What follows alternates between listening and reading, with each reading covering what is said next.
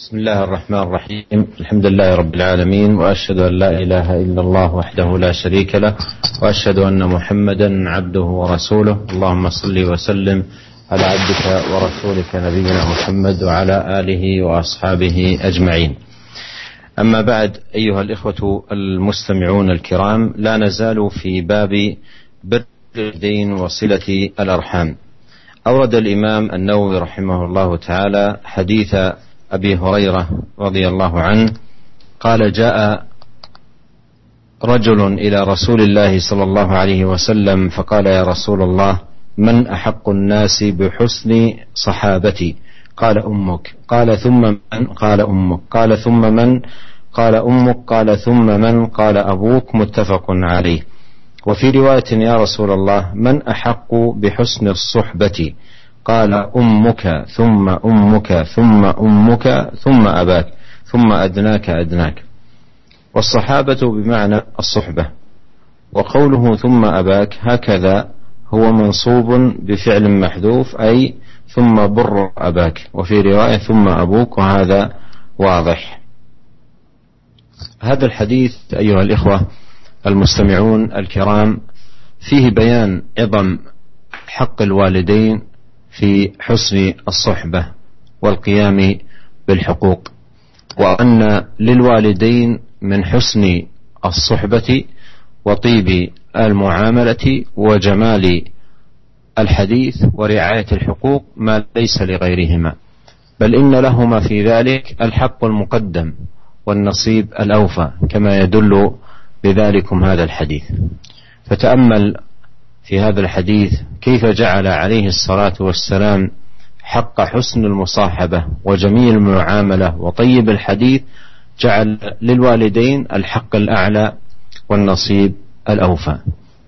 ومن الناس أيها الإخوة المستمعون الكرام من إذا لقي الأصحاب وجالس الزملاء والرفقاء تخير لهم من الحديث أعذبه ومن الخلق أطيبه ومن الأدب أرفعه. وإذا التقى بوالديه أو بأحدهما لم يقدم لهما شيئا من ذلك. بل إنه ربما بل إنهما ربما عند بعض الناس في آخر القائمة وآخر المستحقين. وهذا من تمام اللؤم وسوء الطبع وشناعة الفعال وانتكاس في أداء الحقوق والواجبات. Bismillahirrahmanirrahim. Alhamdulillah segala puji dan syukur kita panjatkan kehadirat Allah Subhanahu wa taala. Salawat dan salam semoga senantiasa tercurahkan kepada suri teladan kita, junjungan kita Nabi Muhammad sallallahu alaihi wasallam, keluarganya dan juga seluruh para sahabat beliau radhiyallahu taala anhum.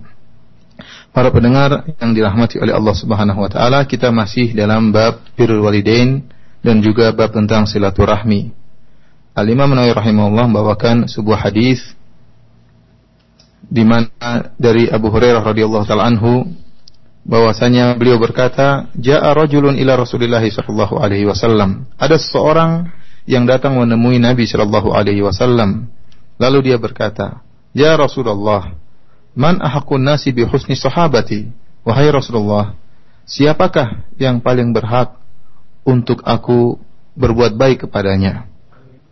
Maka Rasulullah SAW berkata, ummuka, ibumu. Orang ini bertanya lagi, "Tsummaman?" Kemudian siapa lagi wahai Rasulullah? Rasulullah sallallahu wasallam menjawab dengan jawaban yang sama, "Ummuka, ibumu." Orang ini bertanya lagi, "Tsummaman?" Setelah itu siapa lagi wahai Rasulullah? Rasulullah sallallahu wasallam menjawab dengan jawaban yang sama untuk ketiga kalinya, "Ummuka, ibumu." Qala tsummaman? Orang ini bertanya lagi, "Siapa setelah itu wahai Rasulullah?" Kata Rasulullah sallallahu wasallam, "Abuka, ayahmu." Muttafaqun alaih.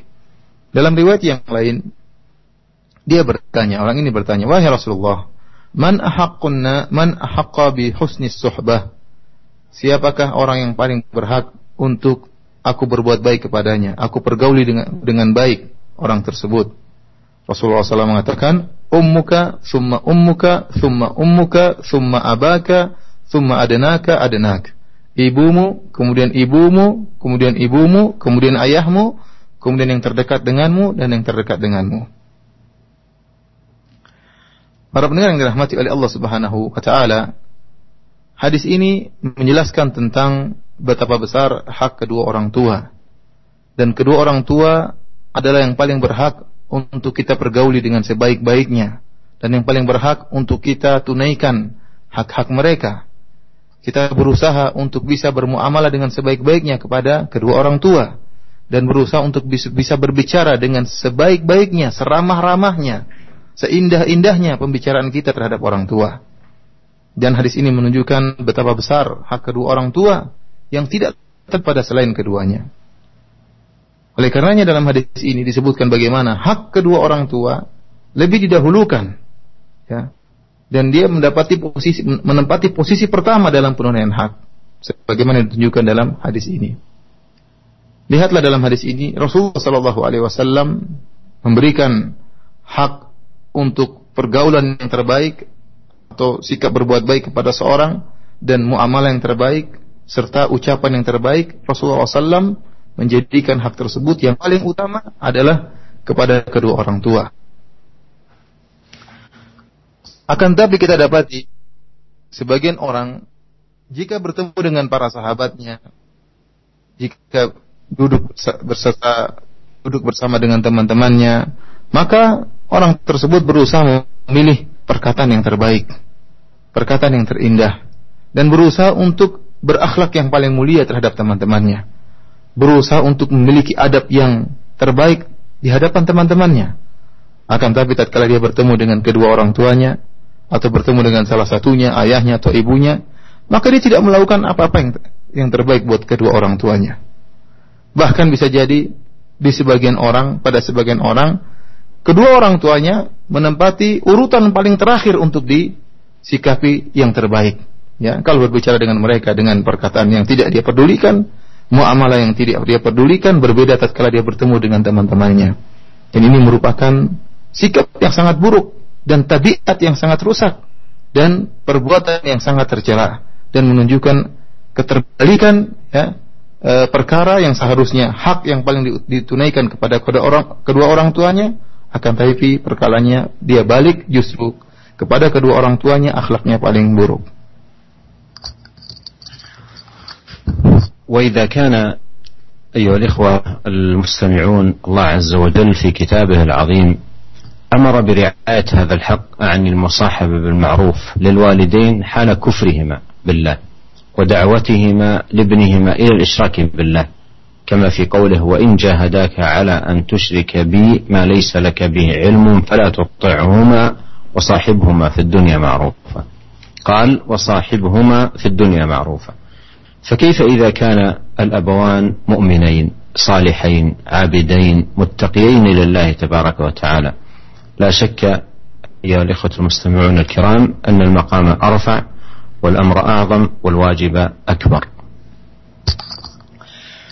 Jika Allah Subhanahu wa taala dalam kitabnya yang sangat mulia Al-Qur'anul Karim memerintahkan kita untuk memperhatikan hak kedua orang tua memerintahkan kita untuk bisa bersikap yang terbaik kepada kedua orang tua padahal kedua orang tua dalam keadaan kufur ya. Bukan hanya kufur kedua orang tua bahkan kedua orang tua mengajak anaknya untuk berbuat kekufuran berbuat kesyirikan Allah tetap menyuruh kita untuk berbuat baik kepada kedua orang tua yang modelnya seperti ini Allah Subhanahu wa taala berfirman wa in jahadaka ala an tusyrika bi ma laysa laka bihi ilm fala tuti'huma dan jika keduanya memerintahkan engkau untuk berbuat syirik kepada Allah Subhanahu wa taala, berbuat syirik kepadaku yang engkau tidak memiliki ilmu tentang hal tersebut, fala tuti'huma, maka janganlah engkau taat kepada keduanya. Akan tapi apa kata Allah Subhanahu wa taala? Wa sahibuhuma fid dunya ma'rufa. Akan tapi pergaulilah keduanya di dunia dengan cara yang baik. Ya. Ini orang tua yang dalam keadaan kufur dan menyuruh kepada kekufuran. Bagaimana jika kedua orang tua adalah kedua orang tua yang beriman kepada Allah, yang saleh, rajin beribadah, bertakwa kepada Allah Subhanahu wa taala, tentunya tidak diragukan lagi bahwasanya perkaranya lebih tinggi dan lebih tinggi lagi hak mereka untuk disikapi dengan baik lebih tinggi lagi. ثم أورد رحمه الله حديث أبي هريرة عن النبي صلى الله عليه وسلم قال رغم أنف ثم رغم أنف ثم رغم أنف من أدرك أبويه عند الكبر أحده أحدهما أو كليهما فلم يدخل الجنة. رواه مسلم. وهذا الحديث أيها الإخوة الكرام فيه بيان أن حق الوالدين حال الكبر وضعف القوى. وضعف الحواس يتأكد ويكون الواجب في مثل هذا المقام أكبر لعظم حاجة الأبوين. حال كبرهما وضعف قواهما وهاء أبدانهما وضعف أبصارهما وقلة حيلتهما. فالمقام مقام البر في هذا الموضع أعظم وأكبر. تأمل هذا المعنى مقررا في القرآن الكريم في قوله تعالى وقضى ربك ألا تعبدوا إلا إياه وبالوالدين إحسانا. إما يبلغن عندك الكبر أحدهما أو كلاهما فلا تقل لهما أف ولا تنهرهما وقل لهما قولا كريما واخفض لهما جناح الذل من الرحمة وقل رب ارحمهما كما ربياني صغيرا. لا سيما وأن الأبوين في مثل هذه المرحلة مرحلة الضعف وشدة الحاجة إلى عون الأبوين. قد يرفع الأب صوته أو الأم قد تتعدد طلباته أو حاجته. إلى غير ذلك فيحتاج الابن أن يذكر جميل الأبوين السابق وإحسانهما العظيم عليه فيرعى لهما هذا الحق. وليحذر أشد الحذر من أن يكون عاقا لهما. ولنتأمل الوعيد الذي في الحديث الذي ساقه المصنف رغم أنفه ويكررها عليه الصلاة والسلام. من أدرك أبويه عند الكبر أحدهما أو كليهما فلم يدخل الجنة. إنه أيها الإخوة المستمعون حرمان ما أشنعه وخسران ما أفظعه أن يدرك المرء والديه أحدهما أو كليهما على الكبر فلا يقول فلا يقوم لهما بحق ولا يرعى لهما واجبا ويكون عياذا بالله عاقا لهما مسيئا إليهما Kemudian Al Imam Nawawi rahimahullah membawakan hadis berikutnya yang juga dari sahabat Abu Hurairah radhiyallahu taala anhu. Dari Nabi sallallahu alaihi wasallam beliau bersabda, "Raghima anf, thumma raghima anf, thumma raghima anf." Ya, celaka dan celaka atau merugi dan merugi. Ya, man adraka abawaihi indal kibar. Barang siapa yang mendapati kedua orang tuanya tatkala mereka berdua dalam keadaan sudah tua, ahaduhuma au kilaihima, mendapati kedua orang tuanya atau salah satunya falam yadkhulul jannah kemudian dia tidak bisa masuk ke dalam surga. Para pendengar yang dirahmati oleh Allah Subhanahu wa taala, hadis ini menjelaskan kepada kita tentang ditekankan untuk menunaikan hak kedua orang tua terutama tatkala mereka berdua sudah dalam keadaan tua, dalam keadaan jompo, tatkala tubuh mereka sudah melemah, kekuatan mereka sudah melemah, kemudian juga indera mereka sudah tidak kuat, pendengaran mereka melemah, penglihatan mereka melemah, maka dalam kondisi seperti ini, ya semakin ditekankan seorang anak untuk berbakti kepada kedua orang tuanya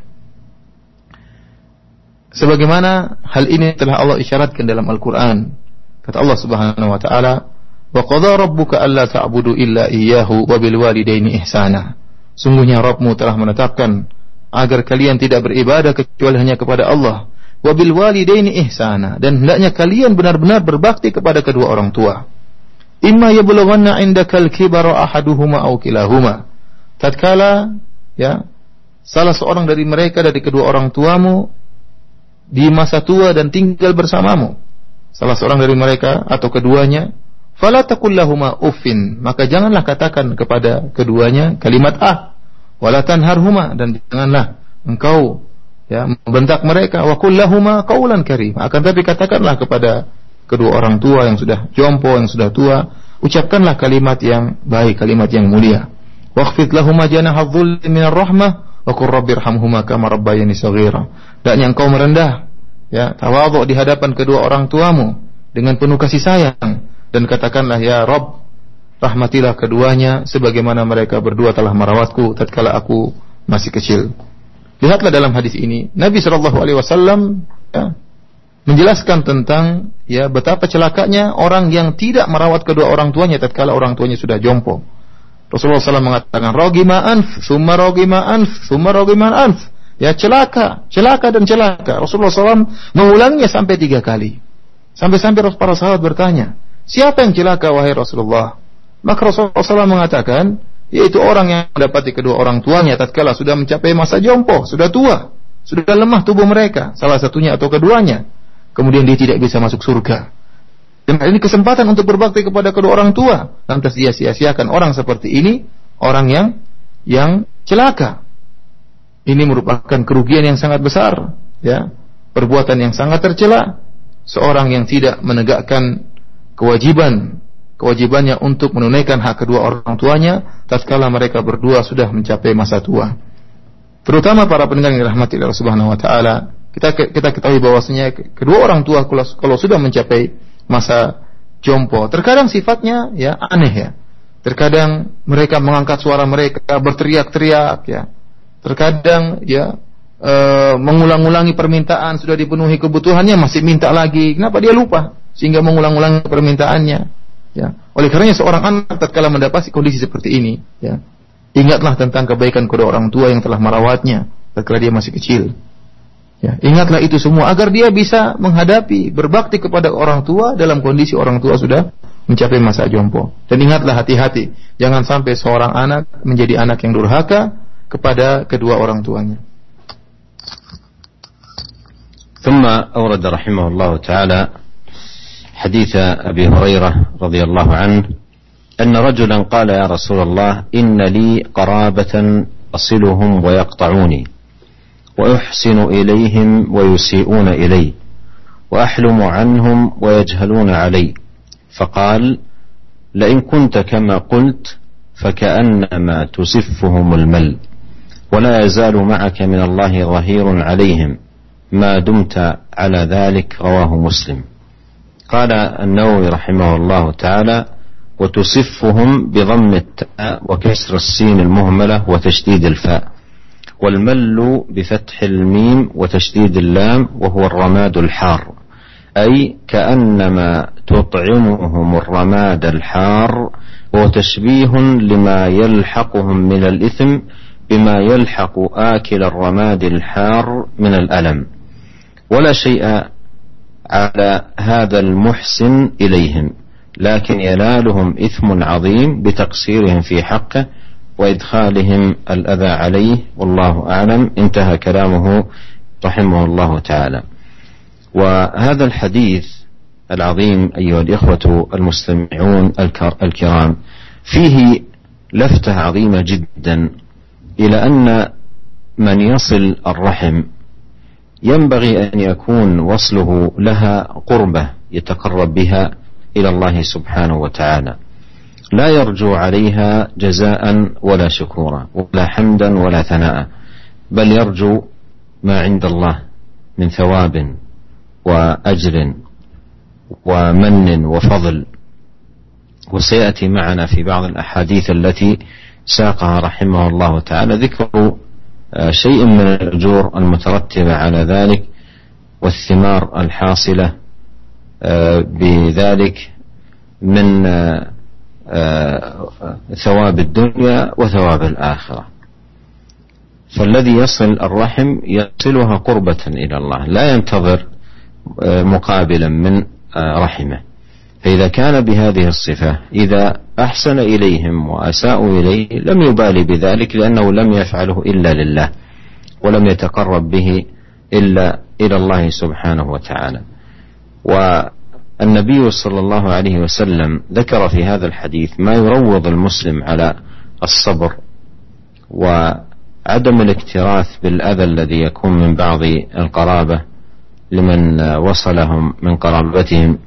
فهذا رجل يقول يا رسول الله إن لي قرابة أصلهم ويقطعونني وأحسن إليهم ويسيئون إلي وأحلم عنهم ويجهلون علي أي أنهم يقابلونه بضد إحسانه يلقاهم بالإحسان والصلة والحلم وهم يلقونه بالقطيعة والإساءة والجهل عليه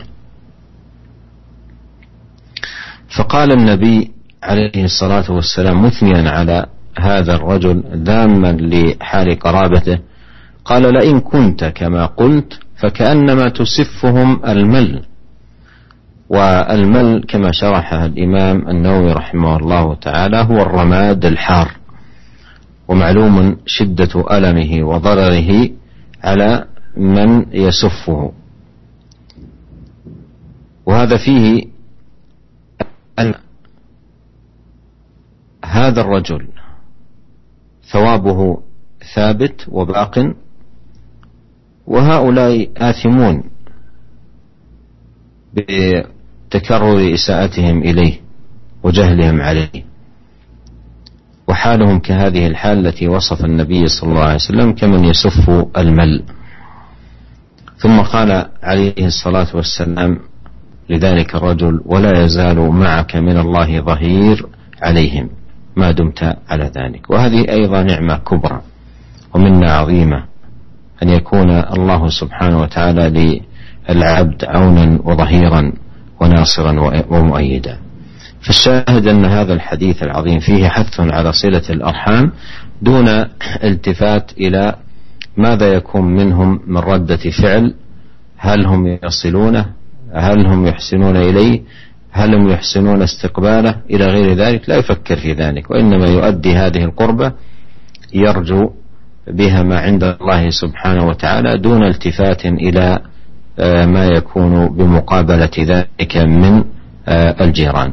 فلا إحسانهم آه، فلا إحسانهم يدفعه لمزيد ولا إساءتهم تدفعه لنقص بل هو في حال إحسانهم وإساءتهم يؤدي ما عليه من صلة ووفاء بهذا الحق Para pendengar Radio Roja yang dirahmati oleh Allah Subhanahu wa taala, kemudian Al Imam Nawawi rahimahullah membawakan hadis berikutnya juga dari sahabat Abu Hurairah radhiyallahu taala anhu bahwasanya ada seorang yang datang menemui Nabi sallallahu alaihi wasallam kemudian dia berkata, "Ya Rasulullah, wahai Rasulullah, sungguhnya aku memiliki kerabat. Aku menyambung silaturahmi kepada mereka, akan tapi mereka memutuskan silaturahmi denganku. Aku berbuat baik kepada mereka, akan tapi mereka berbuat buruk kepadaku." Aku bersikap bijak terhadap mereka, akan tapi mereka berbuat bodoh terhadapku. Maka Rasulullah SAW berkata, La in kunta kama kulta, faka'annama tusifuhumul mal. Kalau seandainya engkau sebagaimana yang engkau kabarkan, maka sungguhnya seakan-akan engkau telah memasukkan debu atau abu yang panas ke dalam mulut-mulut mereka. Wala yazalu ma'aka minallahi zahirun alaihim ma dumta ala dhalik dan senantiasa Allah Subhanahu wa taala akan memberikan pertolongan kepada engkau ya dalam menghadapi mereka selama engkau terus kondisinya demikian. Hadis ini hadis yang sahih yang diriwayatkan oleh Al Imam Muslim rahimahullah dalam sahihnya. Para pendengar yang dirahmati oleh Allah Subhanahu wa taala, hadis yang agung ini ada perkara yang sangat penting harus kita perhatikan. Yaitu bahwasanya barang siapa yang menyambung silaturahmi hendaknya tatkala dia menyambung silaturahmi, dia menjadikan perbuatannya tersebut merupakan kurbah untuk mendekatkan dirinya kepada Allah Subhanahu wa taala. Jangan sampai dia menyambung silaturahmi dengan kerabatnya, dengan keluarganya karena mengharap dari mereka balasan, karena mengharap dari mereka rasa terima kasih, karena mengharap mereka mengharap dari mereka timbal balik. Jangan dia mengharap pujian ataupun sanjungan dari mereka. Akan tapi seorang tatkala menyambung silaturahmi benar-benar karena menjalankan perintah Allah Subhanahu wa taala dan mengharapkan ganjaran di sisi Allah Subhanahu wa taala. Oleh karenanya akan datang hadis-hadis yang menjelaskan tentang ya pahala atau ganjaran yang Allah berikan kepada orang-orang yang menyambung silaturahmi, baik ganjaran di dunia maupun ganjaran di akhirat. Seorang yang menyambung silaturahmi, dia tidak mengharap ya pujian dari kerabat yang dia baiki, tidak mengharap sanjungan, tidak mengharap timbal balik, tidak mengharap kebaikan dari mereka, bahkan tidak mengharap rasa terima kasih dari mereka. Yang dia mengharap, dia hanya mengharap ganjaran dari Allah Subhanahu wa taala. Oleh karena seorang yang menyambut silaturahmi, jangan dia tunggu-tunggu. Jangan dia tunggu-tunggu kapan kapan kerabatnya akan berbuat baik kepada dia, ya. Jangan dia tunggu-tunggu. Ya. Oleh karenanya jika kondisinya seperti ini, seorang yang dia bersilaturahmi karena Allah Subhanahu wa taala, apa pun yang terjadi dia tetap tetap bersilaturahmi. Apakah kerabatnya berbuat baik kepada dia membalas kebaikannya, dia tetap bersilaturahmi. Ataukah kerabatnya berbuat buruk kepada dia, ya, tidak tahu terima kasih, ya. Ya, kata orang air susu dibalas dengan air tuba, dia tidak peduli, dia tetap bersilaturahmi karena perintah Allah Subhanahu wa taala. Dalam hadis ini Nabi Shallallahu alaihi wasallam ya mengisyaratkan kepada orang ini untuk bersabar dan agar tidak peduli dengan ya sikap kerabat kerabatnya yang berbuat buruk kepada kepada dia. Lihatlah orang ini tatkala datang kepada Nabi Shallallahu alaihi wasallam dia berkata, "Wahai Rasulullah, saya memiliki kerabat. Saya sambung silaturahmi, mereka putuskan silaturahmi. Saya berbuat baik kepada mereka, mereka berbuat buruk kepadaku. Saya berbuat bijak kepada mereka, mereka berbuat kejahilan kepadaku." Intinya bahwasanya apa yang dia lakukan dibalas dengan keburukan. Ya. Dia melakukan kebaikan dibalas dengan keburukan. Dia menyambung silaturahmi dibalas dengan memutuskan silaturahmi. Dia berbuat bijak, mereka berbuat buruk kepada dia. Ya. Akan tapi Nabi Shallallahu Alaihi Wasallam ya uh, menyabarkan orang ini. Ya.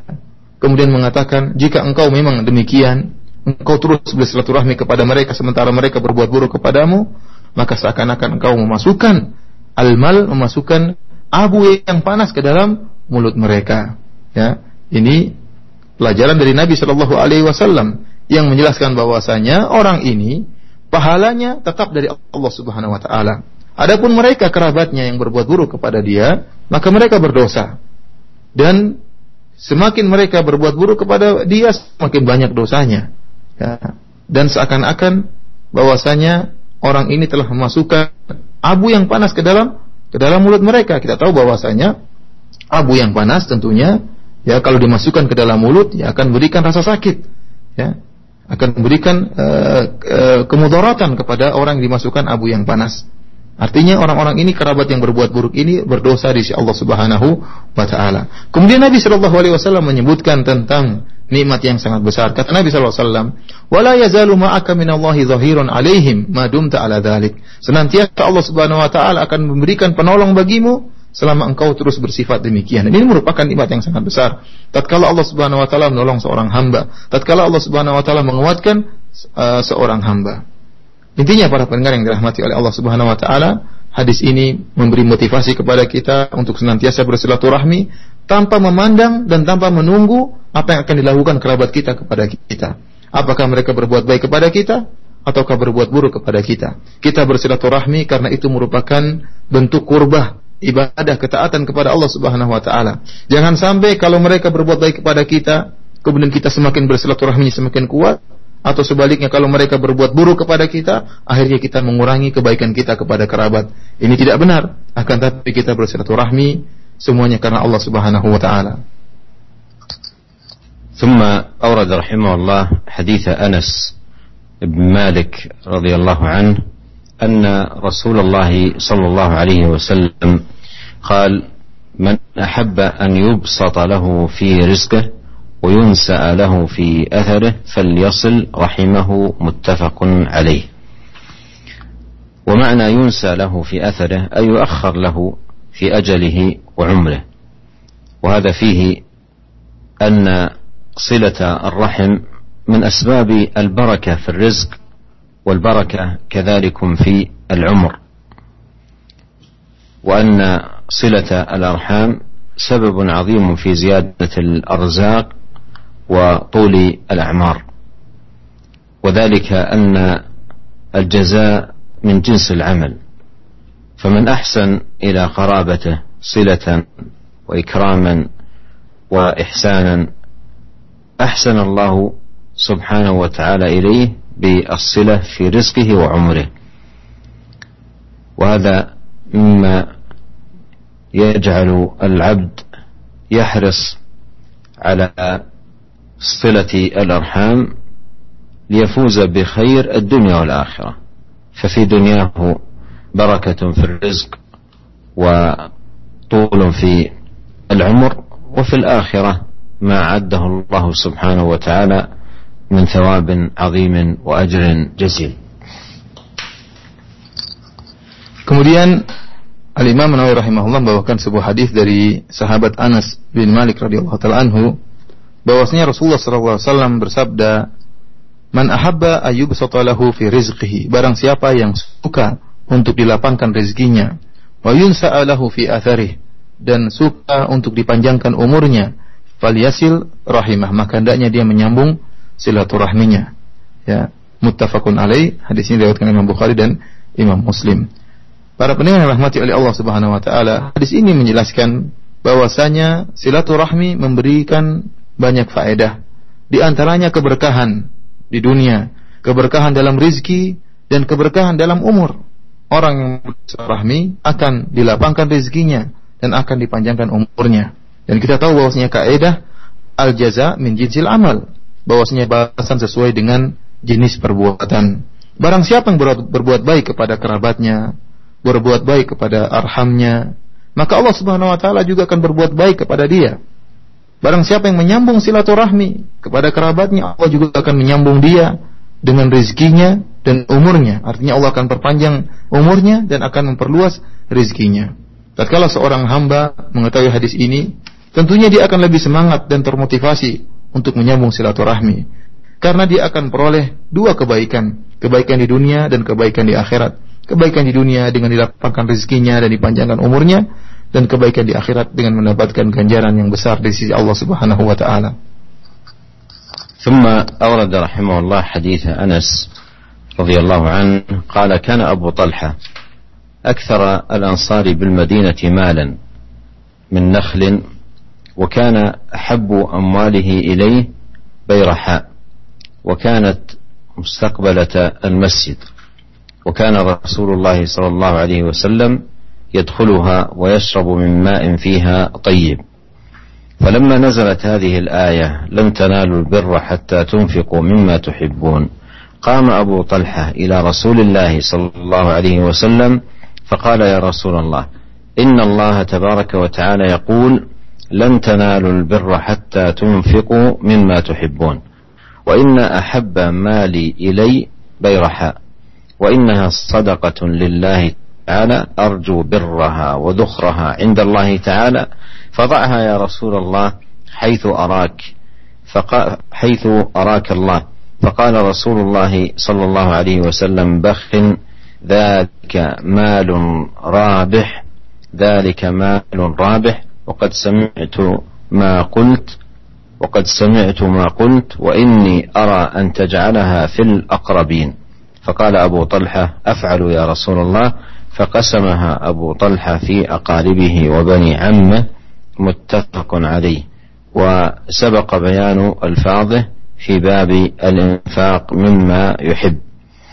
والحديث تقدم معنا شرحه في الباب الذي أشار إليه المصنف رحمه الله تعالى والشاهد منه لهذه الترجمة أن أحق الناس بالإكرام والصلة هم القرابات وأن النفقة في القرابة صلة وصدقة.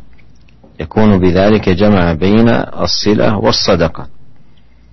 ومن فوائد هذا الحديث العظيم الاستشارة استشارة أهل العلم كما كان آه، أبو طلحة لما سمع بهذه آه، وبلغته هذه الآية الكريمة استشار النبي صلى الله عليه وسلم كيف يصنع فأرشده عليه الصلاة والسلام والعلماء ورثة الأنبياء Kemudian uh, Imam Nawawi rahimahullah membawakan hadis yang telah lalu ya, dari Anas bin Malik radhiyallahu anhu bahwasanya Abu Talhah merupakan salah seorang dari kaum Ansar yang memiliki ya kebun korma yang paling banyak dan di antara harta yang paling dia sukai yaitu kebun kormanya yang bernama Bayroha dan letak kebun Bayroha ini di depan Masjid Nabawi dan Rasulullah SAW sering masuk dalam kebun ini kemudian minum dari air yang segar yang terdapat dalam kebun ini. Tatkala turun firman Allah Subhanahu wa taala, "Lan tanalul birra hatta tunfiqu mimma tuhibbun." Kalian tidak akan bisa meraih ya kebaikan yang hakiki sampai kalian menginfakkan apa yang kalian cintai. Maka Abu Talha tatkala mendengar ayat ini, dia pun segera pergi menuju Rasulullah sallallahu alaihi wasallam. Kemudian dia berkata, "Wahai Rasulullah, Sungguhnya Allah Subhanahu wa taala telah berfirman, kalian tidak akan meraih kebaikan sampai kalian berinfak dengan apa yang kalian cintai. Kemudian dia berkata, sungguhnya harta yang hartaku yang paling aku cintai, yang paling aku sukai, yaitu kebun kormaku yang bernama Bayroha. Dan sungguhnya ketahuilah bahwasanya kebun kormaku, kormaku, kormaku itu akan aku sedekahkan karena Allah Subhanahu wa taala. Aku berharap mendapatkan ganjaran dari Allah Subhanahu wa taala di sisi Allah Subhanahu wa taala. Maka letakkanlah kebun korma tersebut wahai Rasulullah sesuai dengan yang pendapatmu, sesuai dengan yang engkau lihat. Maka Rasulullah SAW berkata, "Bakhin zalika malun rabih." Ya.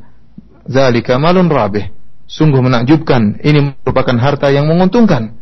Ini merupakan harta yang menguntungkan. Dan aku telah mendengar apa yang engkau ucapkan wahai Abu Talha.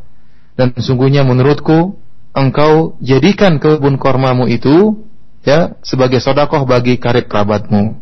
Maka Abu Talha pun mengatakan, Af'alu ya Rasulullah, saya akan melakukan ya wahai Rasulullah. Maka Abu Talha pun membagi kebun korma tersebut di antara karib kerabatnya dan di antara sepupu-sepupunya. Hadis ini hadis yang diriwayatkan oleh Al-Imam Al-Bukhari dan Al-Imam Muslim. Ketahuilah para pendengar yang dirahmati Allah Subhanahu wa taala, penjelasan tentang hadis ini uh, telah lalu ya sebagaimana uh, telah dijelaskan oleh Syekh akan tapi yang menjadi perhatian kita pada hadis ini yaitu tentang bahwasanya karib kerabat merupakan orang yang paling berhak untuk kita sambung silaturahmi. Karib kerabat merupakan orang yang paling berhak untuk kita lakukan kebaikan kepada mereka dan memberi nafkah kepada karib kerabat sungguhnya menggabungkan dua perkara yang baik. Yang pertama silaturahmi dan yang kedua sedekah bagi bagi mereka. Inilah yang dipesankan oleh Nabi SAW tatkala Abu Talha sampai kepada dia ayat yang sangat mulia, kalian tidak akan bisa memperoleh kebaikan sampai kalian menginfakkan apa yang kalian cintai, maka dia ingin mengamalkan ayat ini. Dan Nabi Shallallahu Alaihi Wasallam memberi uh, isyarat kepada dia, memberi petunjuk kepada dia untuk menafkahkan kebun kormanya tersebut kepada karib kerabatnya. Karena karib kerabat merupakan orang-orang yang paling berhak untuk kita baiki, untuk kita sambung silaturahmi dan untuk kita berinfak dan bersedekah kepada mereka. Hadis ini juga memberi faedah kepada kita tentang bermusyawarah dengan para ahlul ilmi. Kalau kita punya suatu permasalahan, maka hendaknya kita bermusyawarah dengan mereka. Ya Sebagaimana dalam ayat ini, dalam hadis ini Nabi uh, Abu Talha segera menemui Nabi sallallahu alaihi wasallam untuk minta pendapat Nabi sallallahu alaihi wasallam. Dan kita ketahui bahwasanya al ulama warathatul anbiya. Para ulama adalah pewaris para nabi. Oleh karenanya kalau kita menghadapi persoalan, persoalan permasalahan, hendaknya kita bermusyawarah dengan para ulama. ثم أورد رحمه الله تعالى حديث عبد الله بن عمرو بن العاص رضي الله عنهما قال أقبل رجل إلى نبي الله صلى الله عليه وسلم فقال أبايعك على الهجرة والجهاد أبتغي الأجر من الله تعالى. قال فهل لك من لديك أحد حي؟ قال نعم بل كلاهما. قال فتبتغي الأجر من الله تعالى؟ قال نعم. قال فارجع إلى والديك. فأحسن صحبتهما متفق عليه وهذا لفظ مسلم. وفي رواية لهما جاء رجل فاستأذنه في الجهاد فقال أحي والداك؟ قال نعم قال ففيهما فجاهد. هذا الحديث أيها الإخوة المستمعون الكرام فيه أن بر الوالدين من الواجبات العظيمة وأنه من الجهاد في سبيل الله. لأن النبي صلى الله عليه وسلم قال للرجل ففيهما فجاهد فبر الوالدين ضرب من ضروب الجهاد في سبيل الله تبارك وتعالى. وذلك أن الجهاد مراتب وكل طاعة يقوم بها العبد يبتغي بها مرضاة الله سبحانه وتعالى وأجره عز وجل وثوابه فهو من الجهاد. كما قال الله تعالى والذين جاهدوا فينا. لنهدينهم سبلنا وإن الله لمع المحسنين. وإذا كان البر بر الوالدين جهادا فينبغي أن يراعى الترتيب بحسب الأهمية وحسب المكانة. وهذا ما نبه عليه النبي صلى الله عليه وسلم في هذا الحديث. قال ألك أبوين؟ أحي والداك؟ قال نعم. قال ففيهما فجاهد. فقدم عليه الصلاة والسلام بر الوالدين على الجهاد مما يدل على أنه آكد من الجهاد إذا كان الجهاد فرض كفاية Kemudian Al Imam Nawawi rahimahullah membawakan sebuah hadis dari sahabat Abdullah bin Amr bin Al-As radhiyallahu taala anhuma. Beliau berkata, ada seorang yang datang menemui Nabi sallallahu alaihi wasallam. Kemudian dia berkata, "Ubayyuka 'alal hijrati wal jihadi abtaghil ajr min Allah taala." Wahai Rasulullah, aku membaiat engkau untuk berhijrah dan untuk berjihad karena aku mengharapkan ganjaran dari sisi Allah Subhanahu wa taala. Maka Nabi wasallam berkata kepada orang ini, Fahalaka min walidayka ahadun hayyun? Apakah ada salah seorang dari kedua orang tuamu yang masih hidup? Maka dia berkata, "Na'am, bal kilahuma." Wahai Rasulullah, dua-duanya masih hidup, ayah ibuku masih hidup. Maka Rasulullah SAW bertanya lagi, "Fatabtaghil ajra min Allah Ta'ala?" Engkau ingin ganjaran dari Allah Subhanahu wa taala? Orang ini berkata, "Na'am, benar wahai Rasulullah."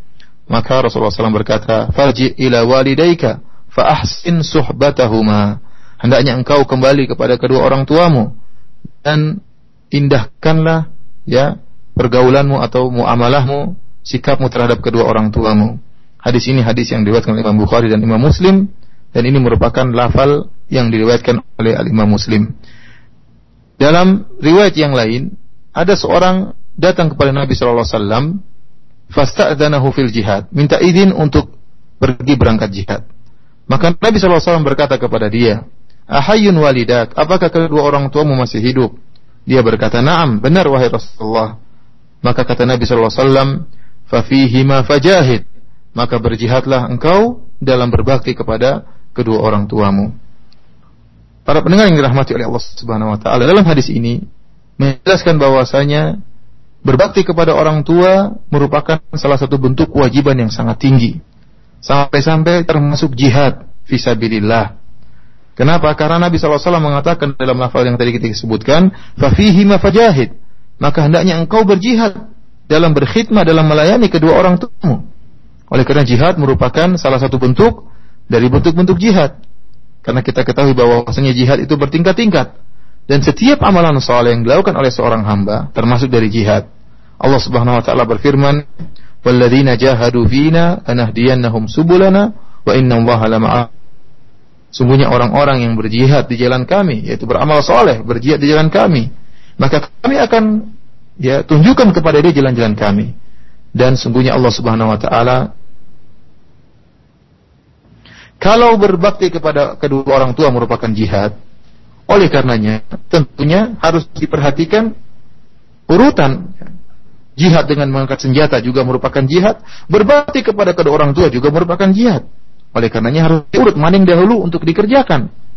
Tatkala ternyata jihad merupakan jihad fardu kifayah, sementara berbakti kepada kedua orang tua merupakan perkara yang wajib dilakukan, maka jihad dalam melayani kedua orang tua lebih didahulukan daripada berjihad mengangkat senjata untuk berperang jika jihad tersebut merupakan fardu kifayah sebagaimana yang dijelaskan oleh Nabi sallallahu alaihi wasallam kata Nabi sallallahu alaihi wasallam fa ma fajahid maka hendaknya engkau berjihad kepada kedua orang tuamu dengan berbakti kepada kedua orang tuamu dan tidak ikut berperang.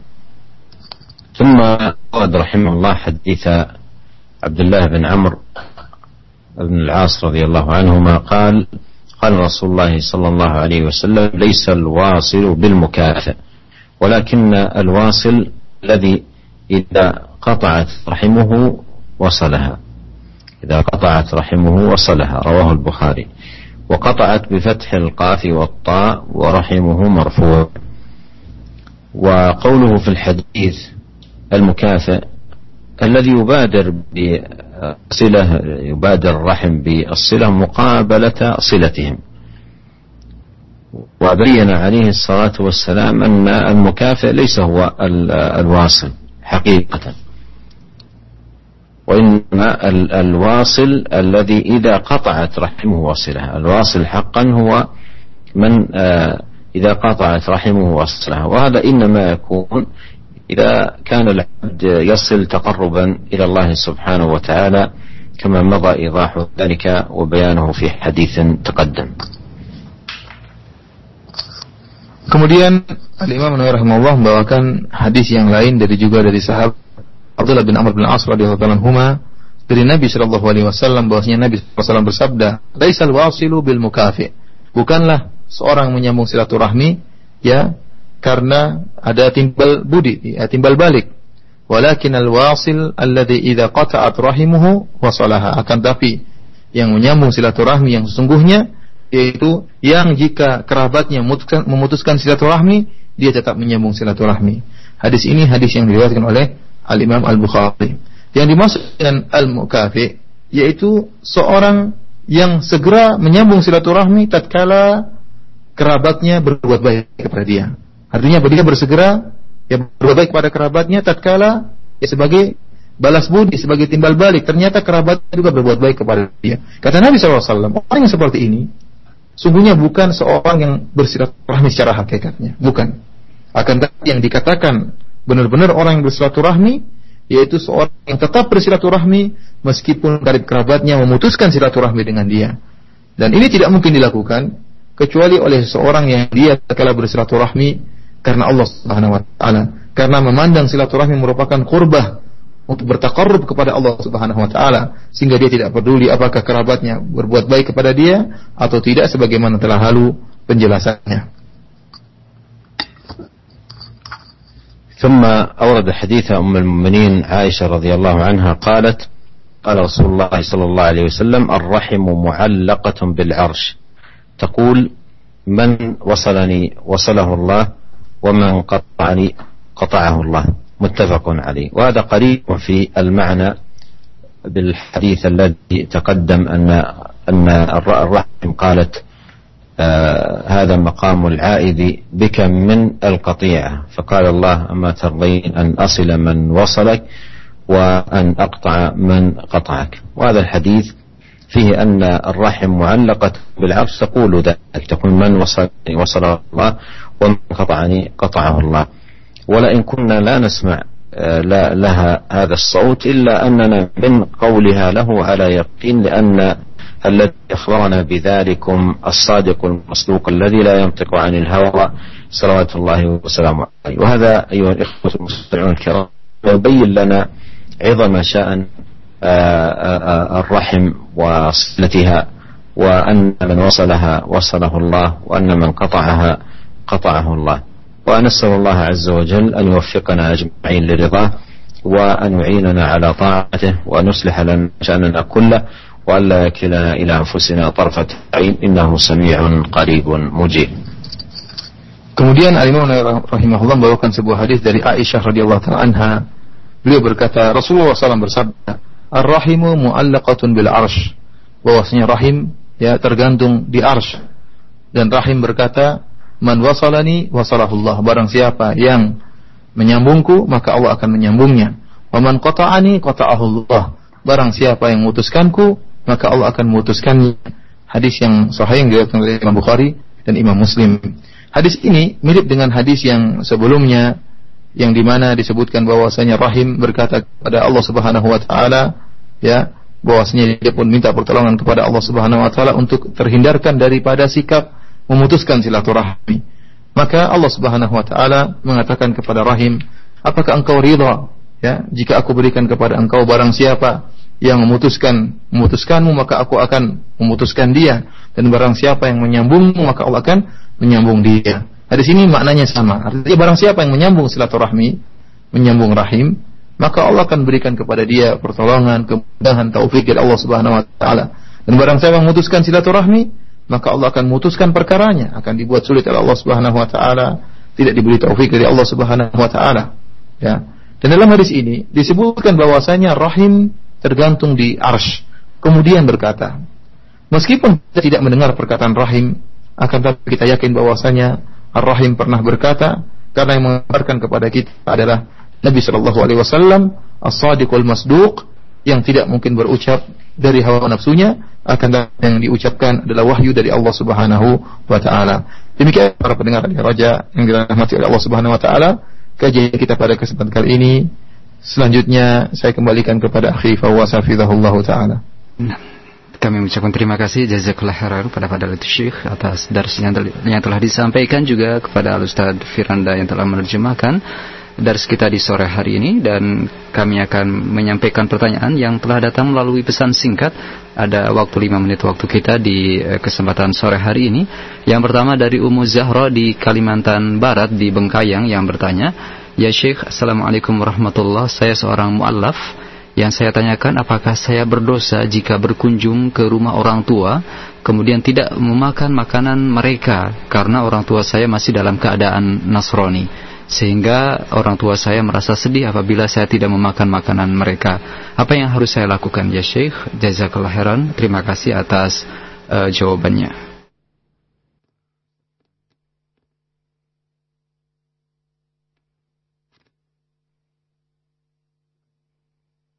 من حيث الصلة بالأبوين وهما على حال الكفر والبر بهما فهذا تقدم معنا وقد قال فيه قول الله تعالى وإن جاهداك على أن تشرك فيما ليس لك به علم فلا تطعهما وصاحبهما في في الدنيا معروفا. والآية واضحة في أهمية البر والإحسان للوالدين في مثل هذه الحال حتى وإن بلغ بهما الأمر دعوة الابن أو الابنة إلى الإشراك بالله سبحانه وتعالى. فنحن ننصح هذه الأخت وفقها الله وأعانها على رضا أن تحرص على بر أبويها وصلتهما المستمرة وإرسال الهدايا الطيبة لهما. وأيضا ننصحها إذا زارت والديها أن تأكل من ما يكون عنده من طعام أو شراب مثل العصير أو الأغذية التي تكون عند الوالدين. وأيضا الذبيحة إذا علمت أن أن اللحم الذي عند والديها قد ذبح وذكي الذكاة الشرعية لم يكن قتل آه، بالصعق أو نحو ذلك وإنما ذكي فإن آه، فإنها تأكل منه تسمي وتأكل منه ولا ولا جناح عليها في ذلك. فتطيب خاطر الوالدين بالأكل مما عندهما تقدم لهما الهدايا الطيبة أيضا تعاملهما المعاملة الطيبة وكل ذلكم تفعله طمعا في أن يهديهما الله سبحانه وتعالى إلى الإسلام على يديها وهذا هو أعظم البر وأجله Uh, adapun mengenai menyambung silaturahmi terhadap kedua orang tua yang masih dalam keadaan kafir, maka telah lalu penjelasannya. Allah Subhanahu wa taala berfirman, "Wa in jahadaka 'ala an tusyrika bima laysa laka bihi ilm fala tuti'huma wa sahibuhuma fid dunya ma'rufa." Ya, Allah mengatakan jika kedua orang tua mengajakmu untuk berbuat kesyirikan kepadaku yang kau tidak memiliki ilmu tentangnya, maka janganlah taat kepada keduanya akan tapi berbuat baiklah kepada mereka berdua tatkala di dunia. Ayat ini sangat jelas bahwasanya e, tentang pentingnya berbuat baik kepada kedua orang tua di mana kedua orang tua dalam keadaan kafir, ya. Dan kita e, memberi e, nasihat kepada e, yang bertanya agar e, berusaha untuk terus bersilaturahmi kepada kedua orang tuanya, ya, berkesinambungan dengan menyenangkan hati mereka dengan beri hadiah kepada kepada mereka ya menyenangkan hati mereka. Dan kalau sampai di rumah kedua orang tua tidak mengapa untuk makan dan minum ya. E, misalnya ada e, misalnya ada jus dia minum ada minuman dia ada kue dia makan ya. Ini tidak jadi masalah. Adapun yang berkaitan dengan sembelihan maka kita ketahui bahwasanya sembelihan ya ahlul kitab boleh dimakan jika kita mengetahui bahwasanya sembelihan tersebut disembelih dengan cara yang syar'i, bukan dibunuh dengan listrik misalnya, tetapi disembelih, ya. Kalau dia tahu bahwasanya sembelihan tersebut disembelih dengan cara yang benar, maka dia atau sami mengucapkan bismillah kemudian makan sembelihan tersebut. Dan ini tidak mengapa agar bisa menyenangkan hati kedua orang tuanya. Semua ini dia lakukan dengan berharap agar kedua orang tuanya dia bisa mendapatkan uh, hidayah dan bisa menerima Islam di kemudian hari. شكر الله لكم أخي الشيخ فواز وأيضا للعاملين معكم في هذه الإذاعة ولجميع أيضا العاملين في الإذاعات الأخرى الناقلة لهذا البرنامج وشكر الله لجميع الإخوة المستمعين والمستمعات ووفق الله الجميع لكل خير والسلام عليكم ورحمة الله وبركاته